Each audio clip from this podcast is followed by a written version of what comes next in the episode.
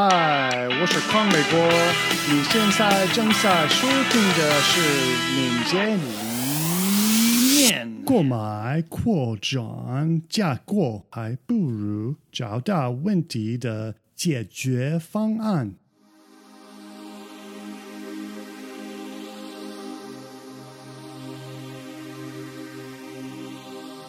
巴斯法多，我是巴斯法多，是大规模 Scrum 或 Less 架构的偶然创建者，在花了我大部分的时间来构建产品、编写代码、指导和提供培训，并且在尝试找出奇怪的组织动态、技术问题，以及不时的为开发做贡献。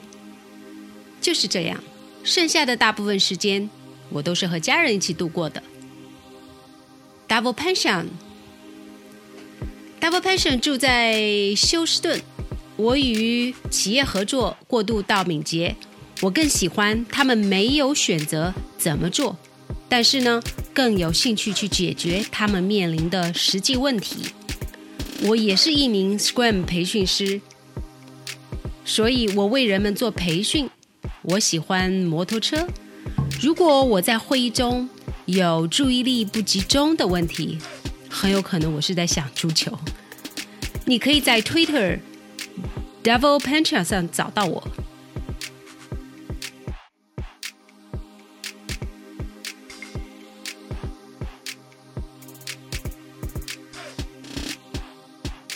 康美国说：“我对巴士有个问题，有位副总裁正在寻找扩展架构。”他对你说：“Hey boss，我听说你有一个扩展架构，我一直在看这些其他架构。”他浏览了已列出来的名单，然后说：“请告诉我，less 到底是什么？”boss 说：“我对这个话题感到不是很舒服。说我们需要一个扩展架构，就是个错误的起点，因为它已经设计了太多的假设问题。”所以，我有可能只会告诉他，less 是一种通过创建一个更简单的组织来扩展的方式。或者，我会告诉他，如果你现在正在寻找扩展架构，那么他可以先选择其中一个，并在他想要谈在组织中遇到的问题的时候再回来。那时，我们将会帮助他解决这道问题。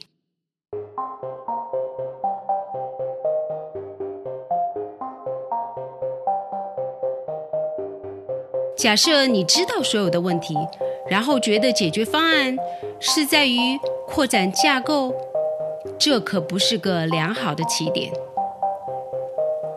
康说：“它会在生活中发生吗？”巴斯沃德说：“嗯嗯，不常见。我猜会发生的，因为 less 是一种看似简单的工作方式，很多人会想寻找。”很复杂的东西。Double Pension 说：“嗯，很复杂的。” b a s v o d o 说：“这样啊，他们不会认真的看 Less，这没有关系。当我和企业合作时，我更喜欢帮助他们找出问题，而不一定给他们一个解决方案。就像 Double 先前所说的那样。”他们需要拥有他们所拥有的问题，他们不应该寻找购买该问题的解决方案。我的搭档 Gray Lemon 喜欢强调的是，我们不希望他们只用一个流程，我们需要他们拥有这个流程，对吧？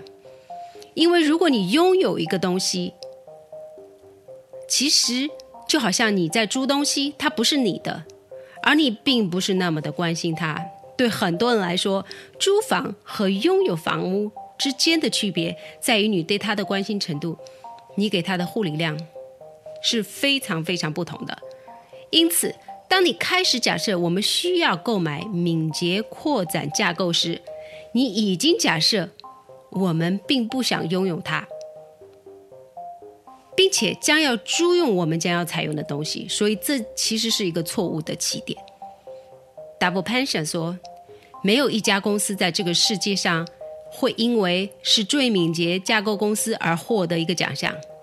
对你说，这样说对吗？您获得的回报是你为客户解决的问题。巴斯说：“也许对于其中一个架构来说，这将是一个很好的额外业务模式——合规性评估和年度合规性奖励。”达夫潘想说：“是的，不要让我开始，因为该行业已经有很多团队合规。”巴斯沃多说：“我们不要泄露这个想法。”达夫潘想说：“是的，企业经常会混淆，因为康敏康美国是做敏捷的，他得到了所有回报，所以我需要做的就是得到康所得到的利益。”所以我也会有益无害的。法拉利总是有钱人的问题，因为有钱人有法拉利。我也会去买法拉利，就使我变成有钱人了吗？永远不会是那么回事。康美国说：“这样说太糟糕了。你能买法拉利，但你还不够有钱吗？”达夫潘上说：“不，不是这样的，你会变得更穷。”康美国说。公司经理如何知道何时出现扩展问题呢？巴什沃德说：“当他们有 less 团队时，看美国。”好吧，这就是答案。巴什沃德说：“你在制定这个问题时遇到了很多麻烦。我猜想，一个简单的答案应该是有效的。从架构和事物中可以学到很多东西。”我希望企业中的人们想要了解他们的问题，并想知道他们的问题在过去是如何解决的。他们所做的扩展架构或品牌或事情并不重要。因此，企业需要不断关注行业内容，他们需要不断的在内部查看他们所遇到的真正问题，而且往往不是报告的问题。因为通常认为我们的问题是团队效率不够，但通常情况下还有更多问题，而且往往更多。当组织开始解释表面问题，而不真正理解真正的问题时，那是错误的。然后他们最终试图找到错误问题的解决方案，使问题复杂化，并再次创造新问题，而不知道那些来自哪里。因为添加到组织往往很容易，而不是真正深入了解动态是什么，以及他们有什么问题。